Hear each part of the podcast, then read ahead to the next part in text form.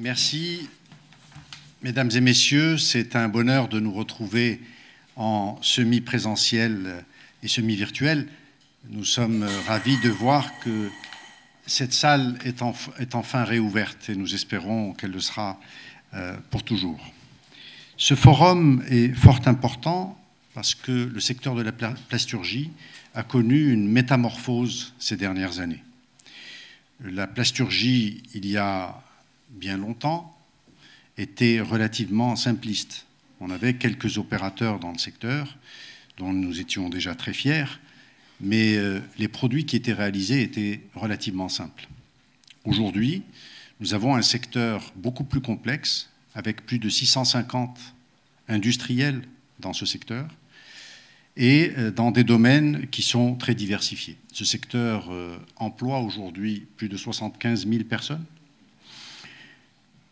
a un chiffre d'affaires annuel de 23 milliards de dirhams, c'est vous dire son importance. Mais au-delà de cela, ce secteur est rentré dans des euh, domaines divers et variés et de plus en plus techniques et technologiques, à plusieurs titres. Nous avons vu euh, du câblage euh, dans un temps passé, qui était là au Maroc depuis bien longtemps. Et puis, nous avons vu, si on rentre dans ce, dans ce cadre, de la, de la connectique donc on est arrivé à faire de la plasturgie extrêmement technologique. Nous avons aussi des matériaux composites qui font partie de la plasturgie et qui sont au niveau le plus élevé technologique aujourd'hui. Nous faisons des avions avec du plastique. Alors c'est des matériaux composites, mais c'est du plastique. Et donc, c'est un secteur sur lequel nous tablons énormément pour le développement de l'activité industrielle l'accompagnement de l'industrie elle-même, tout son emballage, qui est de plus en plus complexe, de plus en plus technique, qui demande à, porter des pièces euh, aéronautiques très sensibles, des pièces électroniques fabriquées au Maroc. Donc tout cela nous amène à, accompagner, à chérir et à coucouner un secteur ô combien important euh, pour l'économie marocaine. Nous avons, dans le cadre du plan d'accélération industrielle, mis en place trois filières euh, importantes, que sont euh, l'emballage, dans le secteur de la plasturgie, la plasticulture, qui, elle, avait un objectif de rationalisation dans l'agriculture moderne de toute l'irrigation, donc tout cet accompagnement, mais pas que l'irrigation. Et enfin, dans la filière du BTP, où la plasturgie a été fortement euh, euh, intégrée. Alors le bilan, lorsqu'on le regarde euh, aujourd'hui, nous pouvons ensemble être fiers de l'évolution de ce secteur. Ce qui a été réalisé est important. La question, Monsieur le Président, est-ce que c'est suffisant? Vous la connaissez. La réponse est non. Ça ne sera jamais suffisant. Nous avons encore de la marge pour un développement dans ce secteur euh, important. Mais arrêtons-nous aujourd'hui deux minutes pour voir qu'est-ce qui a été réalisé et pourquoi nous pouvons en être fiers. Donc je disais que le bilan est positif, avec des investissements qui ont été faits dans ce secteur par plusieurs entreprises, et vous m'excuserez, j'en citerai quelques-unes, juste à titre d'échantillon, et je ne pourrai pas citer l'ensemble. Il y a eu des projets structurants au-delà de l'ensemble des projets qui ont été faits avec des PME, et on en parlera. Alors, l'entreprise Natuplast, qui a réalisé des géomembranes. Et ces géomembranes, on les importait totalement auparavant.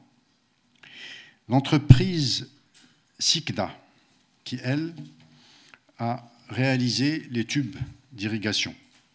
Et comme vous le savez, là aussi, nous avons besoin de ne plus importer ce type de produit. La société CIF, CIF, pour l'emballage multicouche et triplex l'entreprise SGIP, SGIPS, pardon, qui, elle, a réalisé de l'emballage thermoformé. Atlantic Packaging pour la fabrication de films. Tout ça était importé chez nous. L'entreprise Indoor pour les matériaux composites. L'entreprise Lamcom pour la fabrication d'emballage. PG Text pour le tissu multiaxial en verre. Alors, toutes ces entreprises ont fait des investissements importants, ont créé de l'emploi et ont fait de la substitution importante. Comme vous le savez, c'est un de nos axes stratégiques de, de, développement. Je voudrais revenir sur euh, ce qui a été fait au niveau de la banque de projet par les plasturgistes. Dans cette banque de projet, souvenez-vous, on avait un objectif de substitution de 34 milliards et d'exportation de 17 milliards, ce qui faisait un total de 51. Nous sommes, nous avons déjà dépassé ces chiffres, ils sont déjà démodés depuis une semaine, mais nous étions il y a une semaine à 85,5 milliards de dirhams de substitution et d'exportation. Donc l'objectif de substitution est dépassé et l'exportation, ce n'est plus 17 milliards, mais 50 milliards qui ont été euh, engrangés. Et ça, c'est les 85 milliards,5 pour l'instant. Ça va se développer, mais c'est annuel. C'est une balance commerciale qui est soulagée euh, d'autant. Eh bien, dans cette banque de projets, la plasturgie a réalisé 57 projets avec un investissement prévisionnel de près de 2 milliards de dirhams et de la substitution pour 2,5 milliards de dirhams. Alors 2,5 milliards de dirhams sur 85 milliards de dirhams, c'est pas beaucoup c'est quand je me regarde, je me désole et quand je me compare, je me console. Hein. Quand je compare au passé, j'ai 2 milliards et demi, c'est pas mal, mais nous avons un potentiel extraordinaire. C'est un secteur qui est devenu de plus en plus technique, technologique, pointu, qui a une capacité, un, de faire de la substitution nationale, et deux, de gagner des marchés un peu partout autour de nous. Il fallait l'apprivoiser, ce secteur parce qu'au niveau mondial, il a été transformé. Ce qu'on fait aujourd'hui en termes de plasturgie, on ne le faisait pas il y a 50 ans, ne le faisait pas il y a 40 ans, ni il y a 20 ans. Eh bien, aujourd'hui, c'est un secteur qui est pris en main par les opérateurs. Je voudrais féliciter tous les opérateurs ici présents, et j'en profite, on ne s'est pas vu. Donc, depuis euh, le début de la pandémie, on a tous été noyés, mais vous avez réalisé les écouvillons. Hein, c'est-à-dire c'est les, petits, vous savez ce qu'on met dans le nez pour pouvoir faire les tests PCR. Alors c'est moi qui ai fait les tests physiques personnellement, donc vous m'en excuserez, je vous en ai cassé beaucoup. Hein. Donc l'objectif était de... On a, passé une période, je crois qu'on écrira une encyclopédie euh, maintenant qu'on est, qu'on est en train de sortir de cette phase. Mais, mais, je voudrais vous féliciter à travers vous, féliciter tous les opérateurs dans le secteur vous avez été mobilisés, patients. On n'a pas été gentil avec vous toujours, parce qu'on vous a demandé de la qualité d'exception, parce qu'on ne voulait pas être critiqué. On ne voulait pas faire des écouvillons, par exemple, de qualité moindre, pour qu'on ça casse au niveau des, des prélèvements. C'est très dangereux. Or, vous avez fait des choses bien plus belles, bien meilleures que ce que nous importions, et je le dis en l'assumant, moins cher. Je l'ai dit dans une conférence il n'y a pas longtemps, je le répète ici aujourd'hui, nous sommes capables au Maroc de faire et de la qualité et à des prix compétitifs. C'est ça le Maroc industriel qu'on aime. Le Maroc industriel qu'on aime et que nous allons continuer à accompagner de toutes nos forces, c'est celui-là. Celui qui lève très haut le drapeau marocain et qui nous permet aujourd'hui de gagner des marchés. Vous l'avez démontré dans tous les produits que vous, réalisez. Le champ d'intervention de la platurgie est gigantesque. Il est phénoménal. Donc juste, je le dis pour les opérateurs, je vais aider à ce qu'on vous crée de la concurrence dans ce secteur. J'en suis, suis intimement désolé, mais sachez que euh, vous avez fait des choses formidables. Il reste beaucoup de choses à faire. Donc je vous invite à vous retrousser les manches avec nous et qu'on aille ensemble beaucoup plus loin.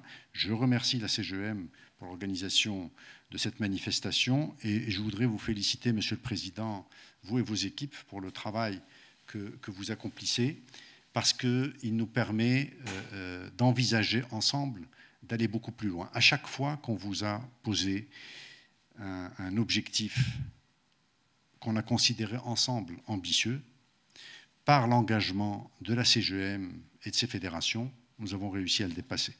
Donc, je n'ai pas eu l'occasion, depuis votre nomination, de vous féliciter en public. Je le fais discrètement chez moi quand je suis tout seul. Mais aujourd'hui, je partage euh, avec tout le monde. Bravo, bravo pour ce que fait la CGM. Je suis vraiment très fier euh, de pouvoir travailler avec vous, la main dans la main, et de réaliser ce que Sa Majesté le roi Mohamed VI souhaite pour euh, notre pays et pour nos concitoyens. Je crois que vous avez soulevé, messieurs les présidents, successivement deux points essentiels que sont la TVA à l'import et la TVA à la production nationale. Ça, c'est le premier sujet. Et le deuxième étant la commande publique. Vous avez en notre ministère un appui total. Quand je dis total, nous sommes prêts à la guerre.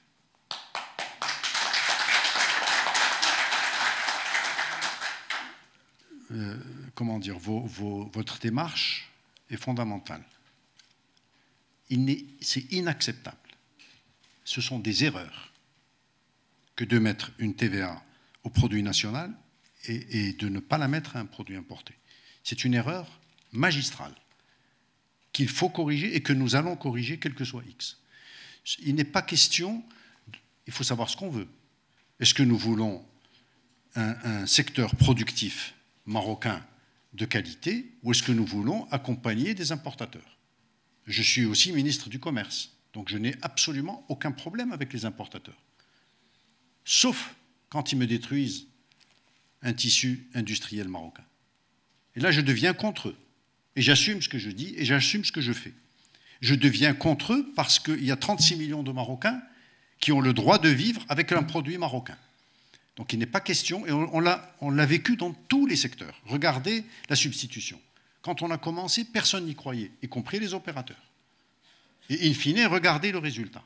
Nous sommes capables de produire de la qualité, nous sommes capables de produire en, compétitivité en termes de prix et d'être capables d'exporter. Mais si nous, entre nous, Marocains, on se crée des blocages, c'est absolument inacceptable. Vous n'êtes pas le seul secteur où il y a une distorsion de TVA. Vous n'êtes pas le seul secteur. Nous avons les panneaux solaires qui est une catastrophe. Un panneau importé ne paye pas de TVA, un panneau fabriqué au Maroc importe. C'est assassin. Nous sommes en train d'assassiner l'économie marocaine. Et ça, je ne peux pas l'accepter. Donc je serai à vos côtés et à la guerre. Hein.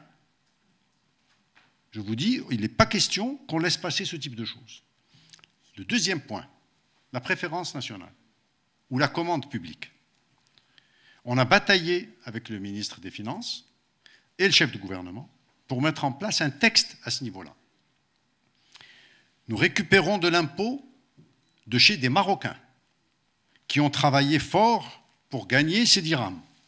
Nous leur retirons des dirhams pour la poche de l'État, avec un objectif de faire de la répartition. C'est le rôle de l'État, jusque-là tout va bien. Avec ces dirhams-là, nous allons acheter des produits à l'international qu'on paye en devises et où nous créons zéro valeur au Maroc, où nous avons zéro emploi. C'est scandaleux. C'est scandaleux. À partir du moment où je n'ai pas ce produit-là au Maroc, où je suis incapable de le produire, je n'ai aucun complexe à l'acheter. Mais quand je suis capable de faire mieux, ça s'appelle être incompétent que de ne pas, pas travailler dans ce sens-là. Et on n'a pas envie d'être incompétent. Donc, que ce soit pour la TVA, il y a une correction à faire. Je dis bien une correction parce que cette distorsion est une anomalie. C'est une erreur qu'il faut corriger. Ce n'est pas autre chose. Et je pense que le, commencement de travailler proprement, c'est de reconnaître ces erreurs. On fait des erreurs. La TVA qui est appliquée sur un produit manufacturé au Maroc et qui n'est pas appliquée sur un produit importé est une erreur. Ça ne peut pas s'appeler autrement. Et je veux bien qu'on m'explique la logique qu'il y a derrière ça. C'est inacceptable, je suis de votre côté à 100%. Quant à la commande publique, il y a un texte qui est sorti. Il y a des instructions du chef de gouvernement. On a eu une discussion avec lui il y a 48 heures, où il va repasser, il va repasser un texte dans les prochains jours pour rappeler à tous les acteurs publics que l'argent public est d'abord pour les entreprises marocaines. Alors, j'étais dans, votre, maison ici, je connais un peu cette boutique. je n'ai pas changé de langage. Quand j'étais ici, je disais aux opérateurs, je ne vous défendrai pas pour vendre de la mauvaise qualité aux Marocains. Je ne vous défendrai pas pour vendre plus cher aux Marocains ce qu'ils peuvent importer de l'étranger. Je n'ai pas changé de position. Je ne vous défendrai pas en tant que CGM si vous n'êtes pas aussi qualitatif et de meilleure qualité. Mais on vous accompagnera pour y arriver. Et la preuve a été faite. À chaque fois qu'on a accompagné les opérateurs marocains ou étrangers implantés au Maroc que nous considérons comme marocains, parce que nous sommes un pays ouvert, nous ne sommes pas un pays fermé, tout investisseur, nous avons des étrangers avec nous ici présents, à chaque fois que nous avons un investisseur étranger qui s'installe au Maroc, eh bien, il a le même traitement qu'un opérateur marocain. C'est rare, ce n'est pas tous les pays qui font ça. Eh bien, nous, nous assumons ça. Mais il n'est pas question qu'on soit le déversoir ou le dépotoir de pays producteurs ailleurs. Nous sommes fatigués de ça. Et je suis heureux de voir que les opérateurs marocains ont pris le relais, ont pris des choses en main.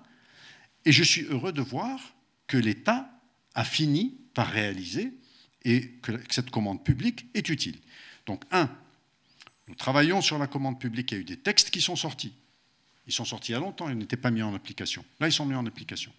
Aujourd'hui, pour faire de l'achat d'un produit étranger par du public, il faut qu'on justifie pourquoi. Si on doit acheter un produit qui existe au Maroc et qu'on l'achète à l'étranger, il faut justifier. Il y a une commission où on doit passer pour justifier. Et croyez-moi, on va s'acharner à faire appliquer ces textes. Parce que c'est ça qui va faire que l'économie marocaine peut être prise en main et se développer et faire travailler des Marocains et faire profiter de cet argent public qui est... L'argent public n'existe pas. C'est récupéré chez les citoyens. Donc c'est l'argent des citoyens qui est chez le public. Et il doit servir aux citoyens, pas ailleurs. Donc on n'est pas là pour faire travailler d'autres pays, on est là pour faire travailler notre économie. Donc à chaque fois que vous allez être compétitif, qualitatif, et que vous allez être au rendez-vous en termes de quantité d'investissement, l'État sera là pour vous accompagner. C'est comme ça que nous allons ensemble gagner les challenges de demain. Donc, je vous demande de réclamer haut et fort ce que vous dites auprès de moi, auprès du ministre des Finances, auprès du chef de gouvernement. Ne lâchez pas, parce que vous avez raison. Si vous aviez tort, je, n'hésiterai pas à vous dire que vous, vous n'êtes pas sur le bon chemin. Ça, c'est votre droit et c'est une obligation pour le Maroc de passer par ça pour pouvoir développer notre économie. Donc la TVA, vous avez raison et nous allons y travailler. J'ai déjà discuté avec Sibin Chaboun, y compris sur les panneaux solaires. Ce n'est pas encore réglé parce que la loi de finances va arriver, mais ce sont des distorsions qui sont inacceptables.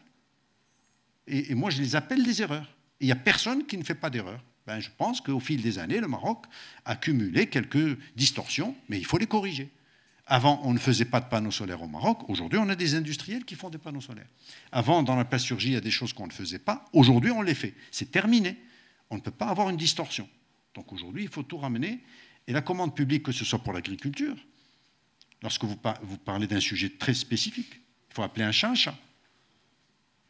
Les produits qui servent à l'agriculture, quand ils sont produits au Maroc, ne doivent plus, ne doivent plus être importés. Ce n'est pas normal. Donc, euh, donc tout ça, ne, soyez pas timorés ou timides. Râlez. Et quand vous allez râler, je vais râler avec vous. Et je ferai, s'il y a une marche, je la ferai avec vous. Voilà, donc euh, on est avec vous.